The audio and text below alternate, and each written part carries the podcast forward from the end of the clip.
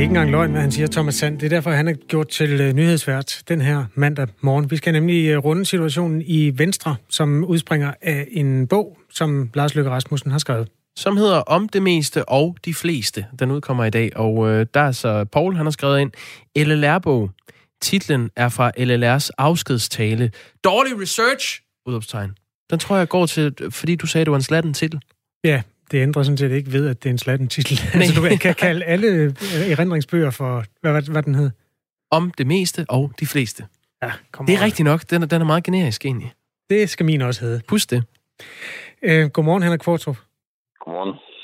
Og øh, velkommen til. Har du haft tid til at læse øh, bogen? Ja, ja. ja jeg, var, jeg var en af dem, der fik den lidt på forhånd og, og har kigget i den, og Jamen, det er da en bog. Så lad mig lave, starte med at lave lidt reklame her til morgen. Altså, hvis man er politisk interesseret, så er det en, en, en rigtig god bog at læse, fordi den er, den er underholdende, og Lykke skriver som en, en drøm. Så, så, så der er alle mulige grund til at læse den bog. Øh, øh, om ikke andet, så for dens øh, sproglige kvalitet, og sådan, sådan, sådan spændende. Så, så, så gå endelig i gang med den.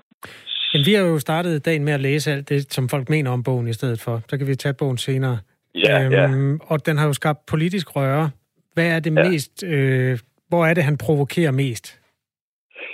Ja, men altså, hvis man, når man læser bogen, øh, så, så, så kan man godt, hvis man kan læse en lille smule mellem linjerne, se, at han er ekstremt bitter over den skæbne, der blev ham til dels, da han blev afsat som formand for Venstre øh, sidste år. Og det vil sige, at han sådan øh, skælder ud til højre og venstre øh, i forhold til dem, der nu har øh, magten øh, i partiet. Men man skal læse lidt mellem linjerne.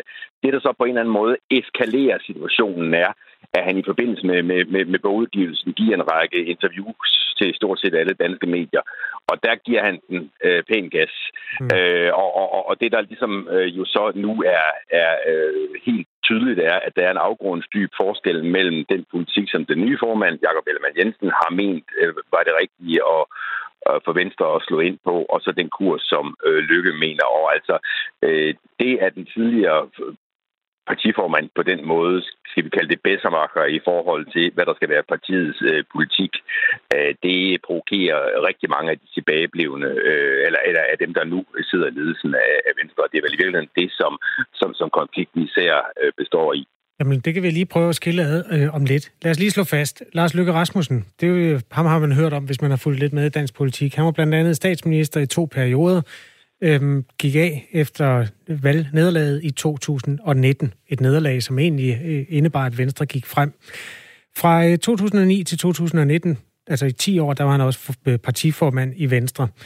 Øhm, han trak sig efter øhm, ballade sidste sommer, og øhm, en af de udmeldinger, der har skabt kritik af Lars Løkke Rasmussen, er, at Venstre skal kigge mod den øh, anden side af Folketingssalen for at lave regering. Altså i virkeligheden, der siger Lars jo øh, nøjagtigt det samme, som han sagde før folketingsvalget, og der er det jo velkendt, at han gerne vil skabe en øh, SV-regering eller en regering hen over midten. Det synspunkt øh, gentager han så øh, nu, men det er jo også et synspunkt, der aldrig nogensinde øh, blev til noget, fordi at den dør jo så eftertrykkeligt i forbindelse med folketingsvalget blev lukket i af, af Mette Frederiksen. Mette Frederiksen sagde nej tak, bliver det refereret her, Henrik Korsrup. Jeg mm. synes, øh, vi har, vi har diskuteret den lidt, både med Radio 4 Morgens lytter og med hinanden her i studiet. Var det egentlig nogensinde alvorligt ment, det der? Fordi man kan vel ikke lave politik ved at skrive noget i en bog tre timer før folketingsvalget, og så regne med, at det bliver til noget? Jamen altså, det, øh, det er bare alvorligt ment i den forstand, at øh, Lars Løkke Rasmussen, må vi forstå på den nye bog, øh, fortsat øh, øh mener det. Men, men det, der selvfølgelig provokerede så mange i under valgkampen, hans partifælder var, at han havde lige glemt at fortælle øh, stort set hele partiet om, at det var den kurs, han ville slå ind på. Så vi stod altså i en situation, øh, hvor, hvor Venstres øh, kandidater rejste land og rige rundt og fortalte, hvilke kæmpe idioter Socialdemokraterne var, og hvordan de kunne køre landet i sænk, hvorefter Lars øh, Løkke Rasmussen som i 2018 pludselig med at det er jo de samme folk, som han synes, man skal den regering med. Men... Det er klart, det kom, det kom noget bag på, på, på de andre kandidater, og, og, og at der var sådan det her indtryk af, at Lars Løkke Rasmussen i et forsøg på at stemmemaksimere for sig selv og øh, kastede de andre kandidater, kastede den øvrige blå blok ind under bussen, og det skabte sådan den, den første øh, store brede, og, og gav det der indtryk af, at øh, Lars Løkke Rasmussen måske mere var drevet af, hvad der var godt for ham selv, end hvad der sådan overordnet set var godt for, for, for, for blå blok, og det... Øh, det skabte stor vrede dengang. Og, men, men hvad har han ud af at gøre det ja. samme i dag? Altså, hvorfor, hvorfor bliver han ved med at sige det så? Jamen altså, det enkle svar er, fordi han mener det.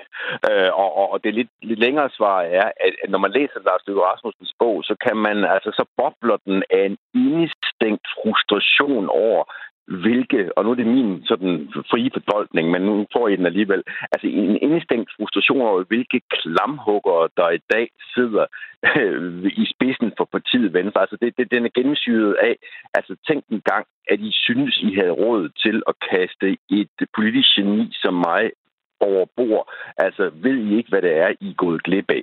Det synes jeg gennemsyrer hele bogen. Og det er klart, altså, når, når, når venstrefolk læser den, tror jeg, Venstres nuværende ledelse læser også bogen på den måde. Og det er jo det, der gør, at de bliver provokeret sindssygt meget af en formand, der for længst er fortid i partiet, men som bliver ved med at rejse rundt med fortællingen om, at alt ville være meget bedre, hvis det var ham og ikke de der tosser, der sidder der nu, der, der, der sad i ledelsen. Og det er jo også derfor, at de nu er begyndt at give ham tilbage af samme mønt. Altså, øh, hvis du så, nu spillede i Sofie Lødes øh, reaktion, men der var lige, synes jeg, disse afsluttende øh, krølle, som I ikke fik med, som er meget sigende, nemlig den her med, jamen, øh, det er altid svært at holde op i politik. Det er svært ikke at være formand længere, det er svært ikke at være statsminister længere, og må ikke vi skal se Lars Løkke Rasmussens udtalelse i det lys. Altså, de, de prøver for øjeblikket at frame ham som mand, der simpelthen ikke øh, kan holde til ikke længere at være den, der har magten. Og, og, og der er min vurdering lidt den, at den rammer faktisk ret meget plet, fordi læser man den bog, så kan man se, at Lars Løkke Rasmussen er dybt frustreret over, at det ikke længere er ham. Okay. Øh, Henrik Kvartrup, han har jo selv været ude at sige i et uh, interview med TV2 News i aftes, at uh, Ellemann Jensen er den rette formand for Venstre. Han sagde jo, man kan jo også se, det har været min tanke i længere tid, at når den dag kom, skulle det være ham. Så tilføjer han så også, at timingen var forkert, synes jeg stadig. Ja. ja. Du, du giver ikke meget for den udmelding? Jo, jo, altså det, det, det, altså, det, det, det, det, det skal han jo næsten sige. Altså, men, men, men tilføjelsen er jo netop vigtig, fordi der i ligger, at det hele ville sådan set have været meget bedre, hvis han havde været fået lov at blive, blive siddende øh, ganske meget længere, måske i, nu, ikke?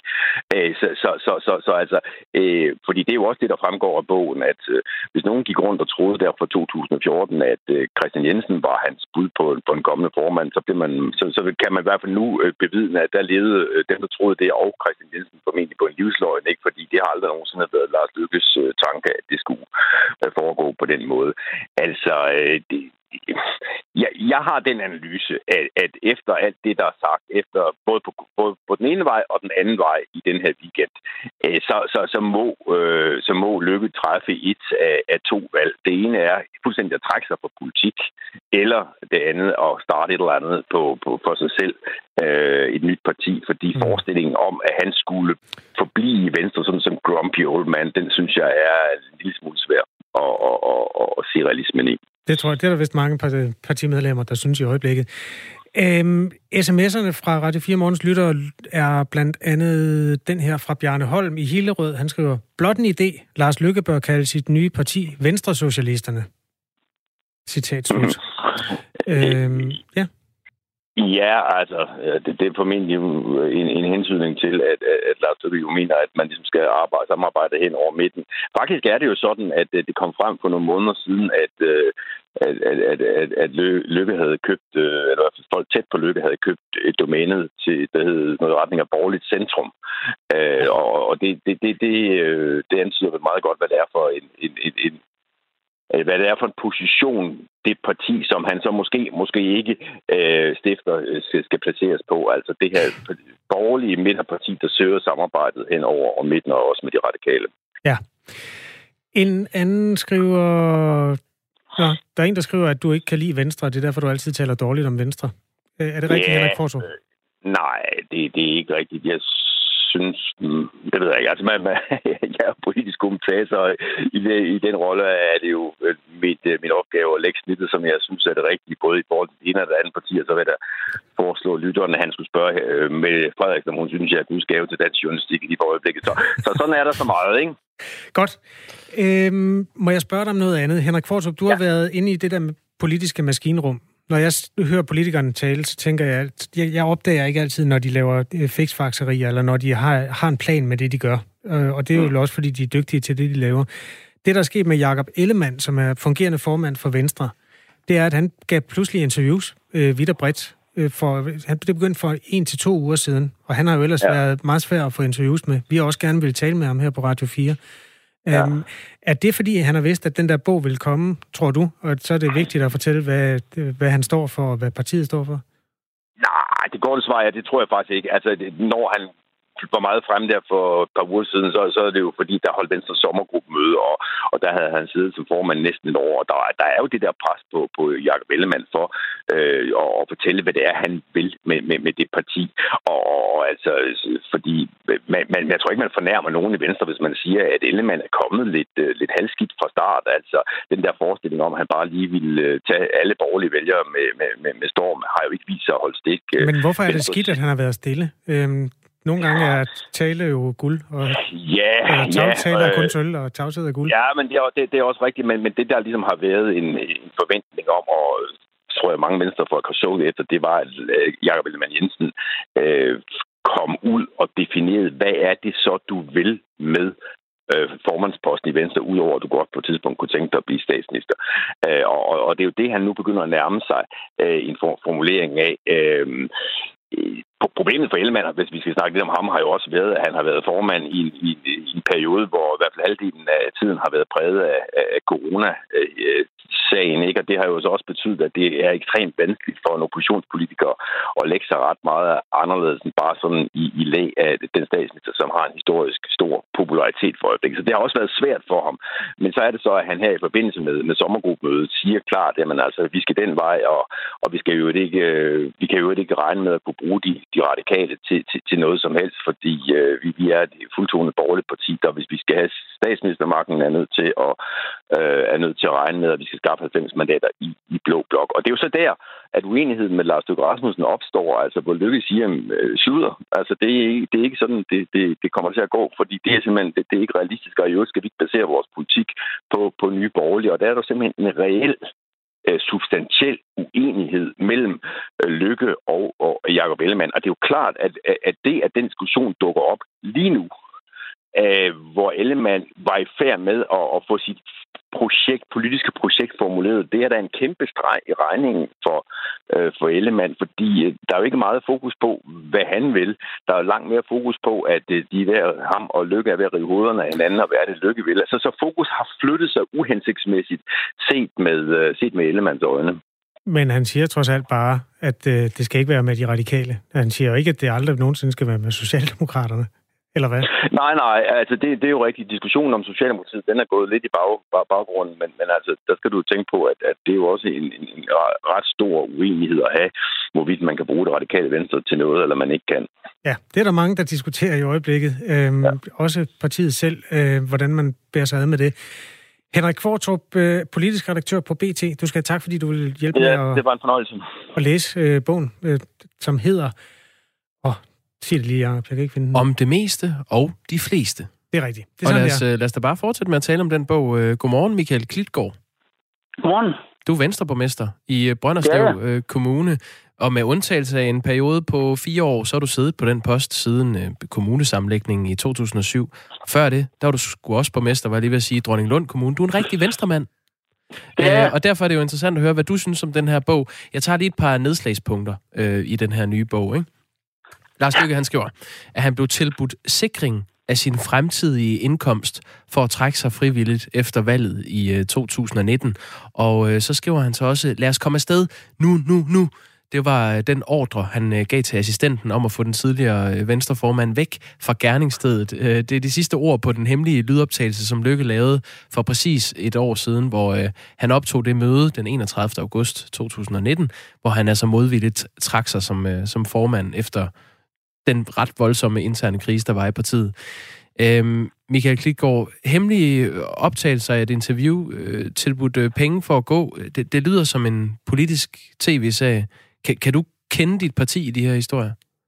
Nej, men jeg kan da se, at det er godt til at sælge bøger, og jeg tror da måske, det har en effekt, så man kan få solgt det på ekstra eksemplarer nu her.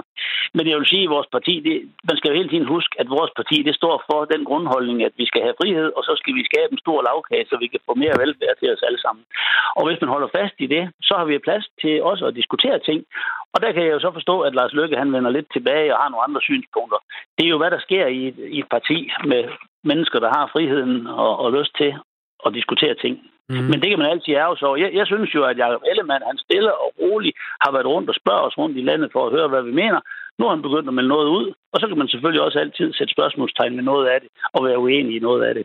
Men kunne man ikke også diskutere timingen? Altså, det, det er jo ikke fordi, at Jacob Ellemann står historisk stærkt lige nu. Øhm, hvad, hvad synes du om, om at det, det er nu, øh, Lars Lykke vælger at gå ud med sådan nogle udmeldinger?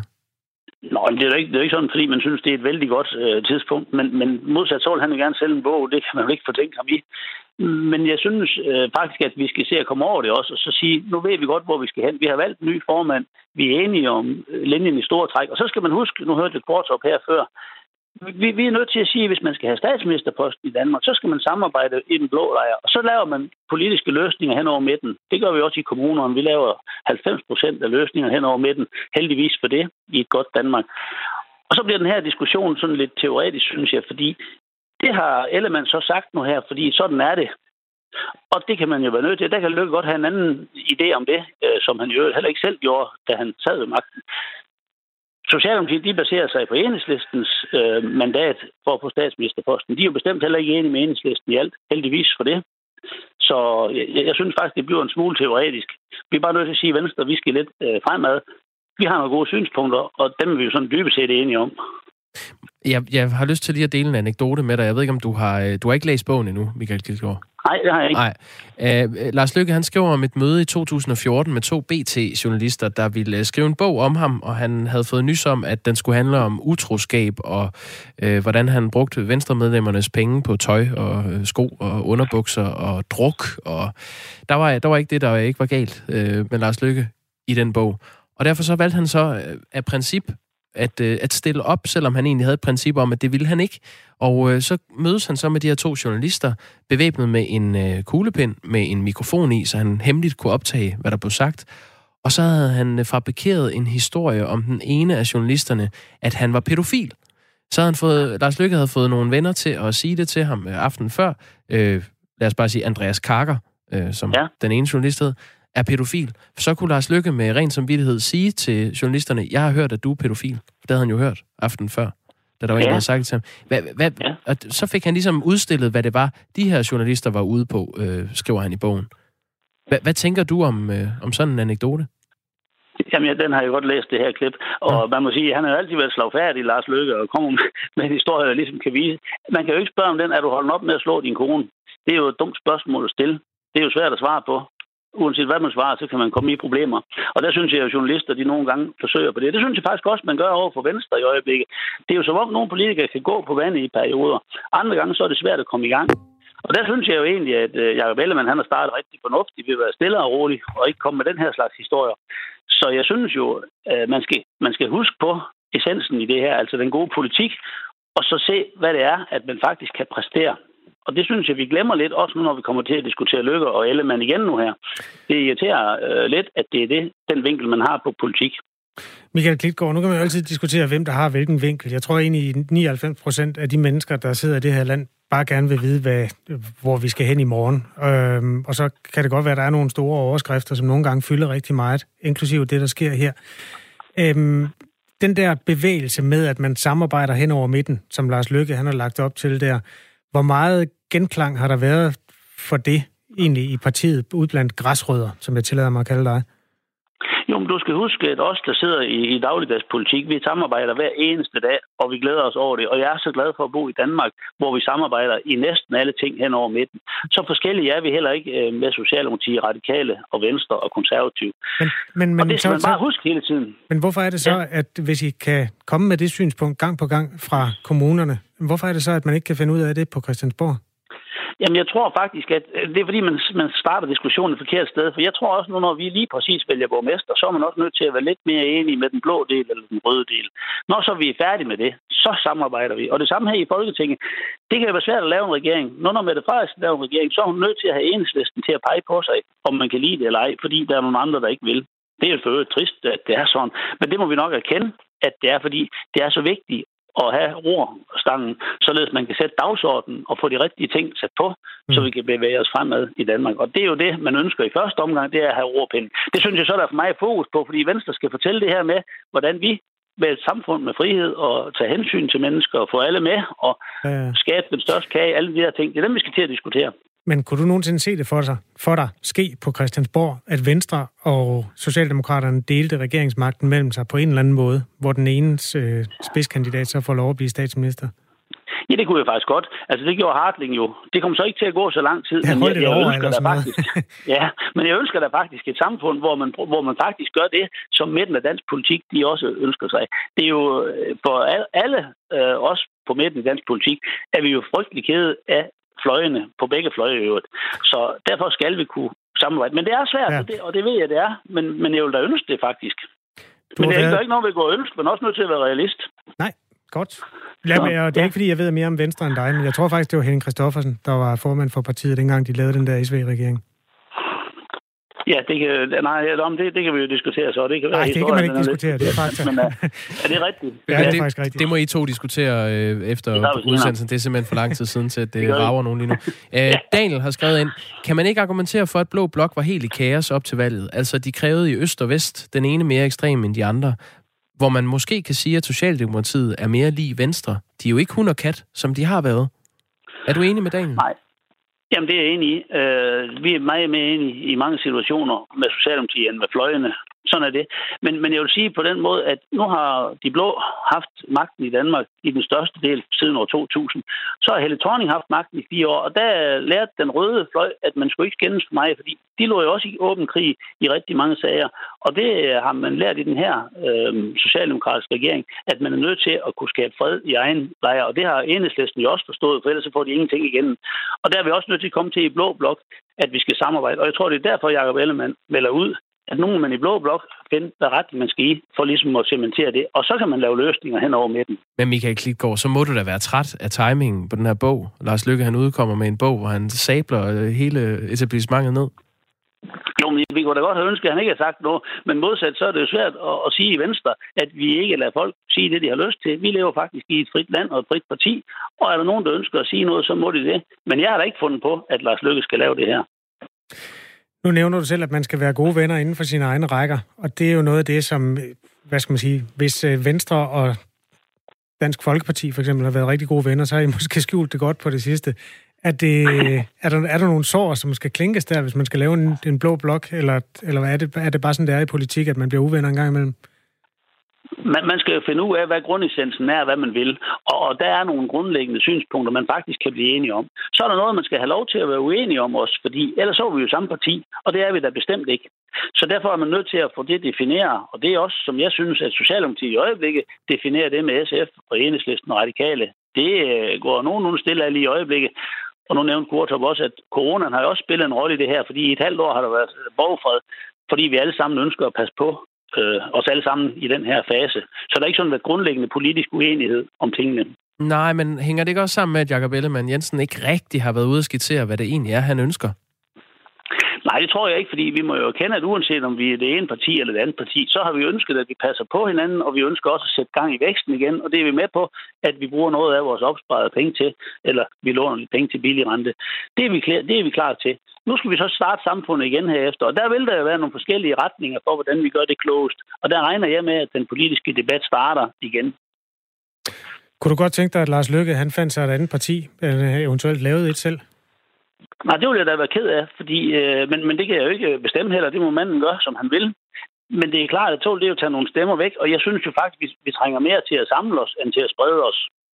Det sagde Michael Klitgaard, der er borgmester i Brønderslev Kommune, valgt for partiet Venstre. Tak fordi du var med her til morgen.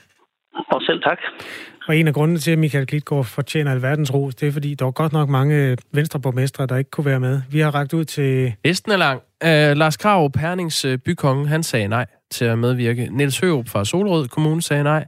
Det gjorde Maja Fjords uh, kommunes borgmester, Mogens Jespersen, også. Men der er to, der gerne vil stille op. Det var Henrik Fransen fra Tønder, borgmester, og uh, Jens Lauritsen fra Vesthimmerland. Han havde desværre ikke mulighed for at medvirke, sidde i møde. Ja, de ville gerne, men kunne ikke. Ja, der er møder hele tiden i dansk politik, og der er garanteret også nogle møder, der handler om lige præcis den bog, der udkommer i dag. Husk, at du er velkommen til at skrive ind. Der var øh, HJ fra Aarhus, der skriver for eksempel, Jeg er ked af balladen i Venstre. Det kan i yderste konsekvens desværre styrke Socialdemokraterne, så de kan fortsætte med deres mange fejlgreb til skade for landet. Et synspunkt fra HJ fra Aarhus. Tak for alle beskeder. Den hedder 1424. Besked, begynd beskeden med R4. Så kryger den ind til os. Nu er der nyheder.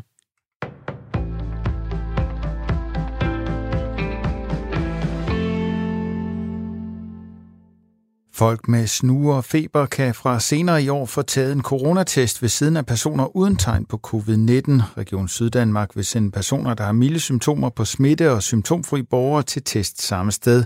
Det skriver regionen i en pressemeddelelse, hvor man oplyser om sin nye plan, der har til formål at sikre lettere adgang til test. I dag får symptomfri borgere taget en test i de hvide telte. Prøvetiden kan de selv bestille på hjemmesiden coronaprover.dk. Har man feber, snue eller det, der er værre, skal man i dag testes ved akutsygehuse, og det kræver en henvisning fra egen læge. Selvom der åbnes for at teste symptomfri og syge samme sted fremover, skal de, der har milde symptomer, stadig visiteres via egen læge. Regionen lægger samtidig op til at oprette faste teststeder i yderligere seks byer, mens antallet af mobile testenheder skal øges fra 6 til 14, fremgår det. De nye testcentre skal efter planen ligge i Odense, Svendborg, Kolding, Vejle, Esbjerg, Åben Rå og Sønderborg. Regionsrådsformand Stefanie Lose er begejstret for, at det bliver nemmere for folk i Syddanmark at få taget en coronatest. Vi ser ind i et efterår, hvor vi må formode, at der er rigtig mange, der skal testes for corona, fordi der også er alle mulige andre efterårssygdomme på spil, der kan give de samme symptomer. Det betyder, at vi gerne vil gøre det nemmere for borgerne at finde ud af, hvor de skal teste, så at vi også gerne vil gøre det mere geografisk tilgængeligt for syddanskerne. Dronning Margrethe skal tildeles knap 90 millioner kroner i 2021. For at være helt præcis er beløbet 89,3 millioner kroner. Det fremgår af regeringens udspil til en finanslov, som Ritzau har set, og som finansminister Nikolaj Vammen præsenterer senere i dag. I år er beløbet på 87,6 millioner kroner, så der er tale om en lønforholdelse til dronningen, hvis regeringens udspil bliver vedtaget. I beløbet indgår ligesom i år en årlig ydelse på 1,3 millioner kroner til prinsesse Benedikte. Dermed er der 88 millioner kroner tilbage til dronningen. Generelt er der færre penge på vej til resten af den royale familie. Den står til at få 27,8 millioner kroner i 2021 mod 29,8 millioner i år. Det skyldes blandt andet, at grevinde Alexandra fra 2021 ikke længere får en årlig ydelse på 2,6 millioner kroner. For anden måned i træk er den danske bruttoledighed faldet, det viser tal fra Danmarks Statistik. Fra juni til juli er bruttoledigheden faldet med 5.500 til 148.100. Det sker efter, at ledigheden også faldt fra maj til juni. Den positive udvikling kommer efter tre måneder med markante stigninger i ledigheden, som følge af nedlukningen af store dele af samfundet i midten af marts. Ifølge Thor Stramer, cheføkonom i Dansk Erhverv, ses den positive udvikling på arbejdsmarkedet også i en række andre økonomiske nøgletal. Blandt andet nævner han, at man har set en tydelig stigning i antallet af nye jobopslag, ligesom der har været en begyndende fremgang i beskæftigelsen. De seneste måneders fald i ledigheden bør derfor også ses som et klart tegn på, at arbejdsmarkedet så småt er ved at komme til hægterne oven på coronakrisens herren i foråret, siger Thor Strammer. Som resultat af det fortsatte fald i ledigheden lød ledighedsprocenten af den samlede arbejdsstyrke i juli på 5,2 procent. Det er 0,2 procentpoint lavere end måneden før. Nogen eller en del sol og kun enkelte byer. Temperaturer op mellem 15 og 20 grader og svag til jævn vind fra skiftende eller nordøstlige retninger. Om aftenen og natten til tirsdag mest tørt og til dels klart, dog muligheder for lokale togebanker. Temperaturer ned mellem 5 og 12 grader og svag til jævn vind, som drejer til øst.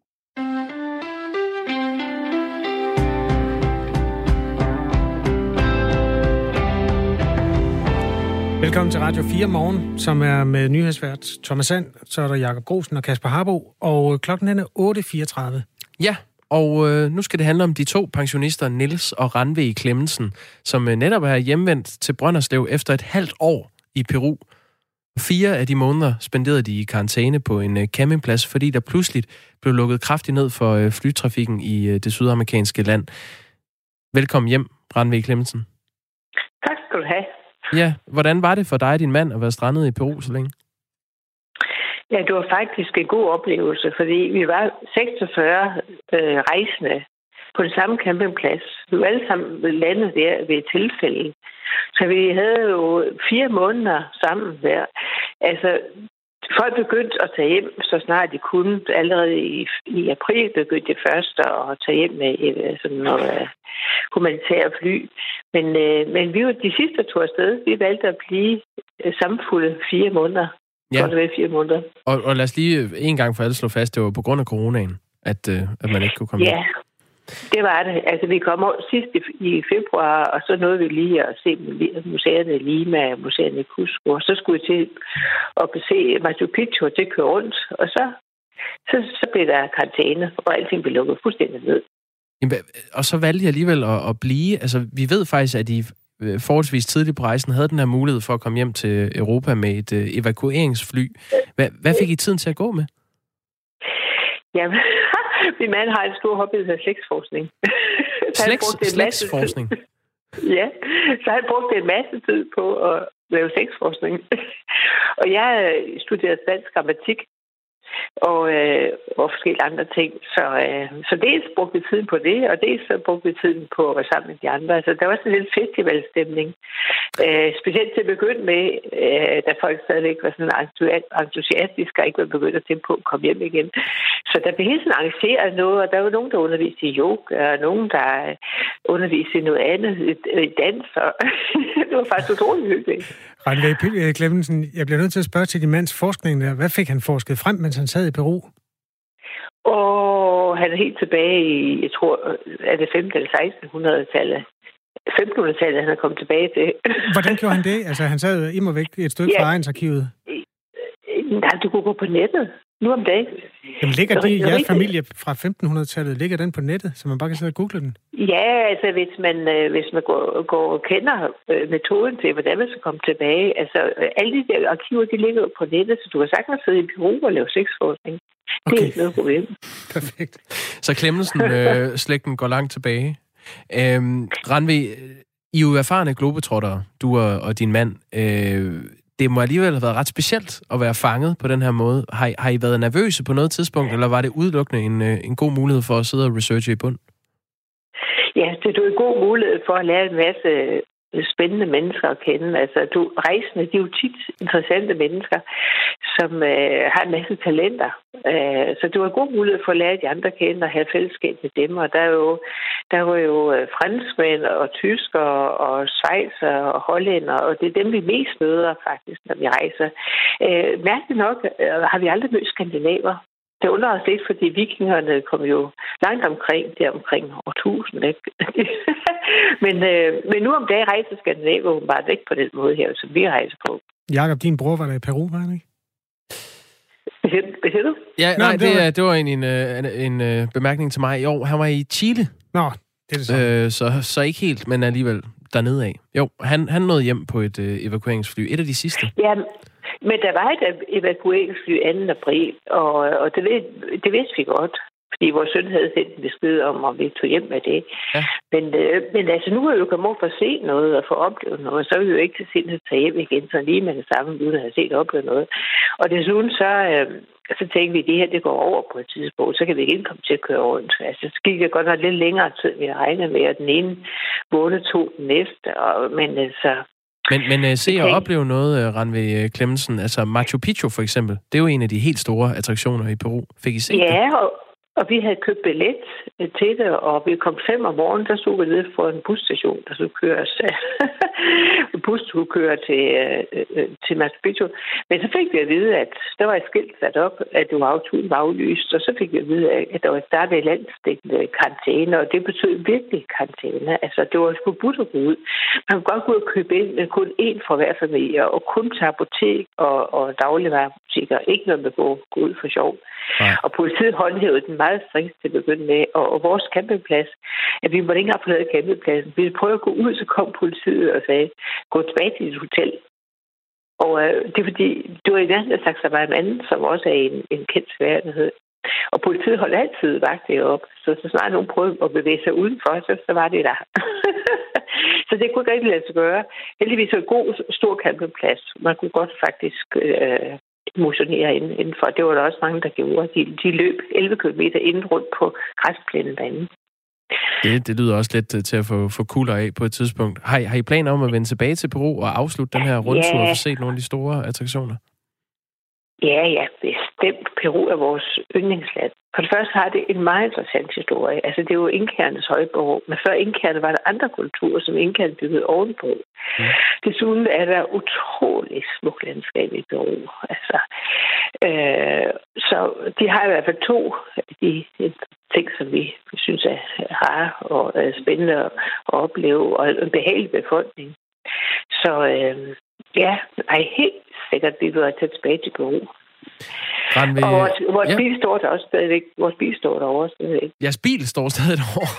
Hvordan ja, vi har, en, vi har, vi har, ja, vi har, vi lever jo, øh, vi lever jo i en, en truck camper. Altså, vi har en Ford 350 med en, en, en, en uh, camper på ladet. Altså, det, det er et uh, kanadisk, en kanadisk bil og kanadisk camper. Og det er jo været vores hjem de sidste fem år. Altså, det er jo, det har vi opholdt os det meste af tiden. Så den har vi opstallet i, på en campingplads i Lima, inden vi tog øh, evakueringsfly her til Danmark, så vi skal tilbage og samle den op. Forhåbentlig, inden der er gået alt for lang tid, men vi er nødt til lige at vente på coronaen. Ja, simpelthen fordi øh, lægger sig. Og som det er nu, så, så går det den modsatte retning. Det går den modsatte vej i Peru. Altså, det, det er corona der til.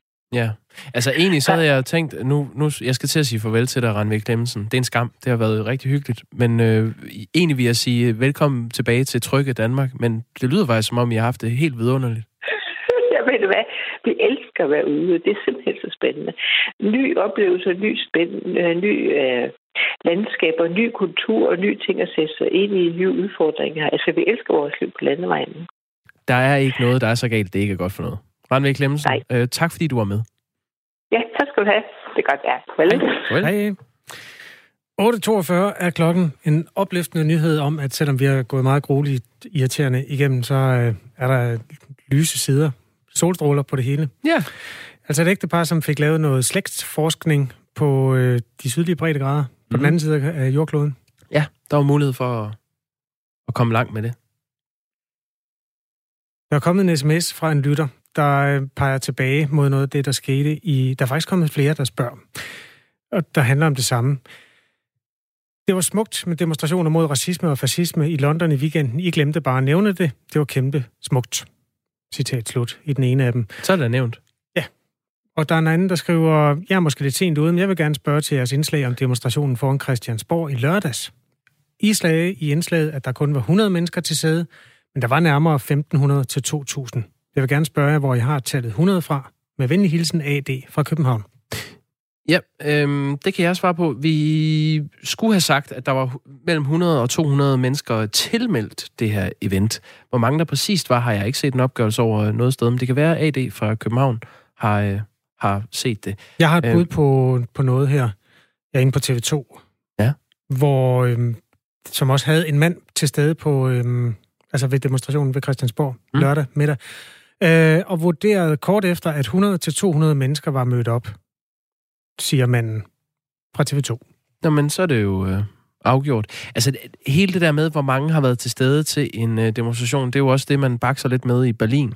Efter øh, weekendens øh, kæmpe demonstration i Berlin, der har været tal, eller, øh, ja, der har været tal ud om, at det, der skulle have været en million med.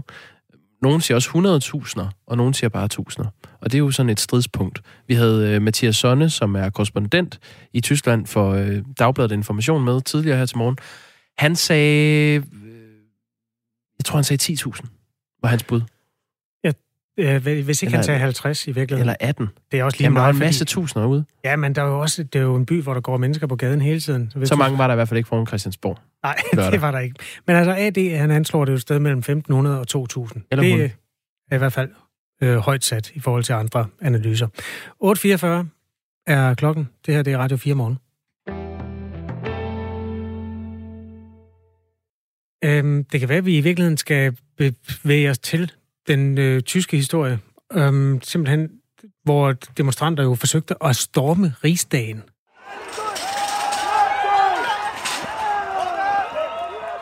Der var tusindvis af mennesker, lavt sat, øh, samlet i den tyske hovedstad for at demonstrere mod de nye coronatiltag. Men der var altså et sammenregn af forskellige politiske strømninger, som øh, også inkluderede nogle mennesker, der var vrede mod det politiske system i bred forstand. Vi har talt med Mathias Sonne, som er Tysklands korrespondent for Dagbladet Information. Han var med til, til demonstrationen, og han så blandt andet det her. Altså jeg vil sammen med sige, at nogen var meget aggressiv, og nogle var meget venlige. Sådan kan man i hvert fald kategorisere øh, på en måde. Øh, der var nogle steder sådan en decideret festivalstemning, og det var, det var smadret hyggeligt at gå rundt. Og andre steder øh, var der en utrolig øh, anspændt stemning og slagsmål med politiet osv. Øh, og sådan på overfladen betragtet, der var, øh, der var de fleste, de var over 40 år, mange var tilrejst fra provinsen, Øh, mange gik rundt med flag, øh, også selvom de var pære tyske. Især mange gik rundt med svenske flag, men også med, med, med polske, ungarske, endda det gamle, meget højere, altså det flag, som højre radikale går rundt med, det gamle Reichsflagge, så man også på gaden. Hvorfor lige de her flag, Mathias Sonne? Jamen, øh, selvfølgelig det svenske flag, fordi Sverige er, er sådan det store forbillede for, hvordan man øh, kan gå til en coronapandemi øh, med færre indskrænkninger, end der har været i stort set øh, alle andre lande. Så, så Sverige bliver virkelig sådan, øh, holdt op som, som det store øh, frihedsland. Og også når man spørger til folk som dansker, så er de også sådan, nej, men er det ikke bedre i Skandinavien, end det er her? Der kan man jo så, øh, må man jo skuffe dem, hvis de tænker på, på øh, coronatiltag. I deres øjne øh, er det jo øh, efterhånden stort set samme tiltag som Tyskland sagde Mathias Sonne, som altså har været med ved den her store demonstration i Tysklands hovedstad Berlin, hvor demonstranterne havde mange delmål, og ja, så var det mere diskutabelt, om de havde et fælles mål. Ja, altså fra scenen øh, blev der flere gange øh, sagt, at altså fra hovedscenen nede i Tiergarten, øh, inde i det centrale Berlin, som øh, blev, blev, øh, blev vist på forskellige skærme og, øh, og hvad hedder det, højtalere rundt i, øh, i hele området derinde, øh, der blev der krævet en tilbagerulning af alle coronatiltag, altså af med maske og, og afstandsbestemmelser og ingen begrænsninger af forsamlingsfriheden. Øh, men igen, der var også andre, som kom med en meget mere hvad kan man sige, fundamental kritik af en øh, fascistisk stat, som bruger corona som påskud for at aflyse demokratiet. Øh, der er nogen, der, der brugte demonstrationerne for at demonstrere imod mod øh, løgnepressen, øh, som er en del af det her system i deres øjne så er der, øh, jamen igen fordi det selvfølgelig ikke er en topstyret bevægelse, så er der alle mulige øh, bevægelser, som vil, nogen vil have en fredstraktat med Rusland, øh, nogle af de højre radikale vil revidere den tysk-polske grænse, og andre er ude i noget, der minder sådan mere om en vækkelsesbevægelse, hvor, hvor de vil øh, al verdens dårskab til, øh, til liv, så det, det kan de jo måske have en pointe med, men det virker så også nogle gange ret sært, at de render rundt med, øh, med pandemien som, som øh, påskud for de her øh, pointer. Ja, det tager Mathias Sonne, som altså arbejder ved Dagbladet Information som korrespondent i Tyskland, som har fulgt de store demonstrationer. Hvor store de er, diskuterer man både i Tyskland og ja, i Danmark har det jo altså også sin lokale knopskydning, hvor man diskuterer, hvor mange der var foran Christiansborg. Du kan se billeder blandt andet hos øh, TV2 af både den i Tyskland og den i Danmark. Klokken er 8.48.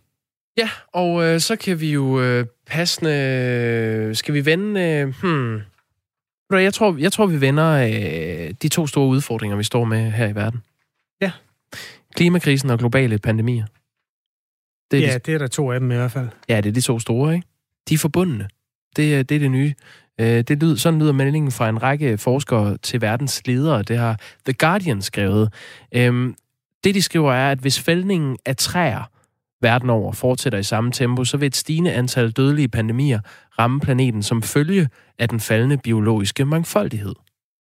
Mm, Forstår du? du lægger regnskoven ned, og så forsvinder der arter? Mm, ja, uh, Stuart Pim, han er professor i bevaring ved Duke University, og han siger, der er en uh, hel række aktiviteter som ulovlig skovhugst, rydning af områder, minedrift og handel med kød for vilde dyr og eksotiske kæledyr. Det er det, der har skabt denne krise. Og uh, de peger faktisk på, at næsten en tredjedel af alle nye sygdomme, der opstår, de opstår på den her måde. Altså, øh, at, øh, at man øh, fjerner diversiteten øh, i skovene og i naturen, og det påvirker så øh, de pandemier, der, der opstår. De siger faktisk, når arbejdere kommer i regnskove for at fælde træer, tager de ikke mad med sig. De spiser bare, hvad der er i nærheden, og det udsætter dem for smitte hele tiden er der en fra Princeton University, der siger, en professor i økologi og evolutionær biologi. Og han bliver så bakket op af ham, Stuart Pim, som har et helt konkret billede, og det, det har bare sat sig på min net. Det er egentlig derfor, jeg tager det her med. Jeg har et billede af en fyr, der slagtede et vildsvin dybt inde i Ecuadors jungle. Han var ulovlig skovhugger, og han og hans medarbejdere havde brug for mad, så de dræbte et vildsvin og blev oversprøjtet med blod i processen. Det er grusomt og meget uhygiejnisk, og det er sådan, disse sygdomme spredes. Ja, så får man selvfølgelig lyst til at snakke om de der wet markets, kinesiske øhm, små handelspladser, hvor der er en eller anden, der er slikket på en flagermus, som er bidt i en slange. Som, som er ligget på et stykke råt kylling ja. en måned i varmen. Ja. Og på den måde, øh, ja, det kan da godt være, at øh, der er noget, der blaffer med vingerne. Øh, siger man simpelthen denne pandemi, eller er det sådan mere et dystopisk fremtidsunivers? Det er et dystopisk øh, fremtidsunivers. De peger på de seneste pandemier. Et, et tidligere eksempel er HIV-virusen, der i begyndelsen af det 20. århundrede spredte sig fra øh, aber, chimpanser og gorillaer. Øh, den sygdom har kostet mere end 10 millioner liv, hvis man ser historisk på det. Og øh, ligesom med Ebola, så menes corona jo med stor sandsynlighed at stamme fra flagermus. Jamen, inden du går væk fra... Altså, skal vi forstå det sådan, at det var menneskets rovdrift på naturen, der fik den der abe til at smitte et menneske med HIV i 80'erne? Sådan skal du forstå det, ja. Hvorfor var det det? Nej, ikke i 80'erne. I begyndelsen af det 20. århundrede, at oprindeligt så er HIV-virus øh, en abesygdom, som ja, ja. på et tidspunkt har flyttet vært. Ja, jamen, det gjorde den i 80'erne. Det var der AIDS opstod, ikke? Ja, den går længere tilbage. Altså, i begyndelsen af 20. århundrede spredte HIV-virus sig fra aber. Nå. Og så har den så fået et boost i 80'erne. Nå, var det sådan? Ja. Anyway, var der rovdrift på naturen i begyndelsen af det 20. århundrede? Ja, nu skal du se, du har jo ikke inviteret mig i studiet som historiker, men øh, det er, hvad jeg får af meldinger fra de her forskere, ja. Jeg har det bare stramt med sådan noget forskning, der siger, at det hele det er din egen skyld, og der bliver mere af det. Ja, fordi så skal man jo til at ændre sin øh, opførsel. ja, det er en af grunden. Det er rigtig træls. Jamen, jeg har ikke slået nogen aber ihjel, Jacob. Nej, du er skyldig, men øh, vi skal passe på med det, siger forskerne. Klokken er 8.52.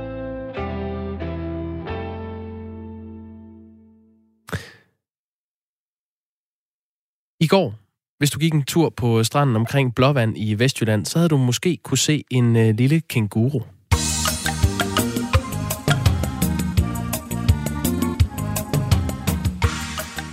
Det her det er simpelthen et underlæg til Stop den lille kenguru, som vi har fået lagt ind for at drille os. Men øh, hvis du kender den sang, så kan du øh, sidde og synge med. Det er en kenguru fra Blåvand Zoo, som øh, havde sluppet sig selv løs og hoppet rundt nede på stranden. Godmorgen, øh, Julie Nykær. Godmorgen. Du er elev i Blåvand øh, Zoo. Hvordan kan det ske, at en kænguru kan slippe ud af jeres øh, zoologiske have? Jo, øhm, det er for eksempel, når at, øh, hunderne de, øh, og hannerne kommer i brunst, så øh, jagter hanner dem hunderne en gang imellem. Og så er det, de øh, ser deres eneste udvej, og det er over hegn. og så, øh, hvis der står en port åben ud til zoo, hvilket der gør i vores åbningstider jo, så kan det være, at de hopper helt ud. Men kunne man så ikke lave et, et højere hegn? Eller jo. lukke porten? Det kan man selvfølgelig godt, men der skal ikke ret meget til. Hvis du presser en kenguru nok, så kommer de ud. En, øh, en hurtig Google-søgning viser, at uh, inden for uh, de seneste 10 år, der har I haft tre kenguruer, som er sluppet løs.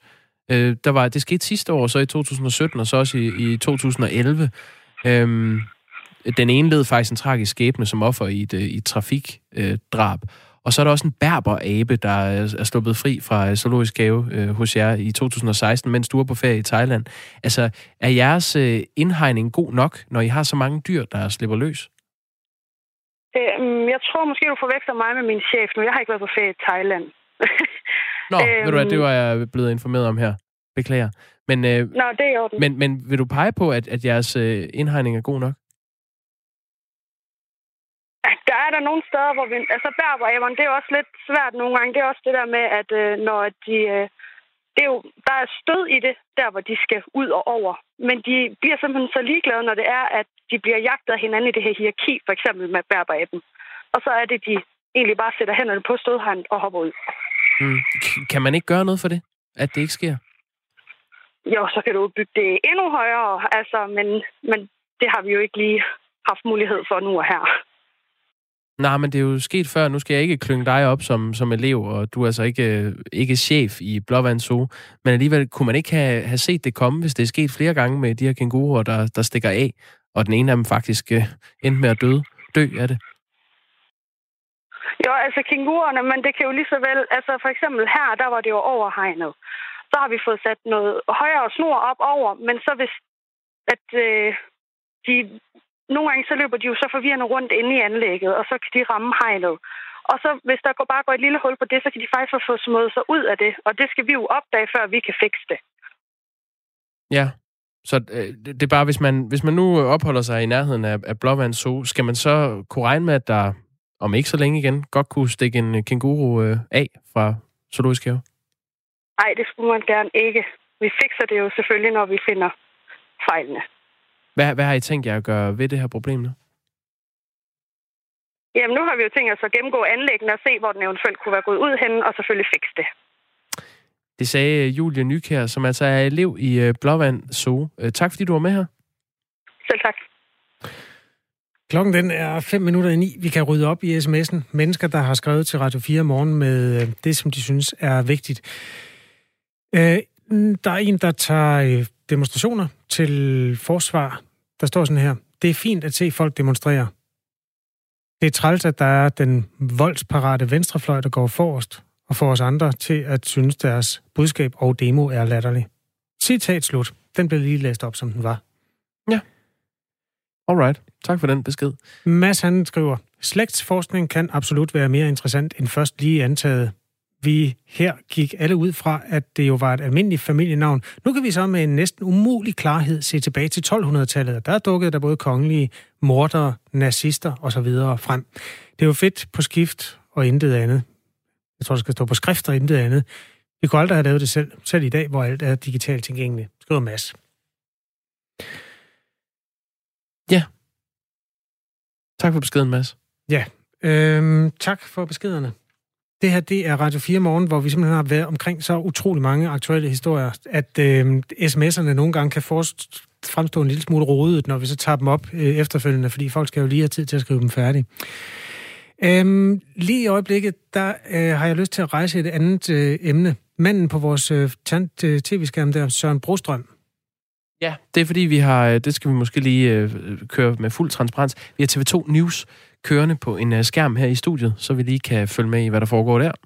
Søren Brostrøm er jo øh, direktør for Sundhedsstyrelsen her i Danmark. Han er en øh, velanskrevet øh, videnskabsmand og læge. Han er, har været gynekolog i mange år, og har jo altså en special viden inden for det felt, men også en generel viden, som gør ham til en af de meget... Øh, et af de mennesker, der bliver lyttet rigtig meget til i forhold til beredskabet over for coronaen. Mm. Det, der slog mig på et loppemarked for øh, to uger siden, det er, at øh, Søren Brostrøm muligvis har en fortid. Kender du de drengebøger, der hedder Jan? Jeg ja, kender og kender. Jeg har ikke læst mange af dem, nej, men jeg kender dem. De fleste er bekendt med, at der findes, og jeg kalder dem drengebøger, selvom piger også har læst dem, men de handler om en dreng, og jeg tror, der er flest drengede læsere blandt. Dreng, Hvornår øh, var det nu, Jan-bøgerne virkelig hittet? Jamen, jeg tror, det har været 70'erne og 80'erne, fordi de kom lige før de tre detektiver, som var der, jeg steg på drengelitteraturen. Ja. Øhm, som før eller efter de fem? Jamen, cirka samtidig, tror jeg. Ja, jeg synes nemlig, det ligner lidt. Ja, det er øh, ubetinget heltelitteratur, som øh, blev skrevet af en dansk forfatter, og øh, ja, nok om, nok om Jan. Det interessante ved Jan-bøgerne er, altså Jan er jo en rask dreng, og han tager ud og, og opklarer ting.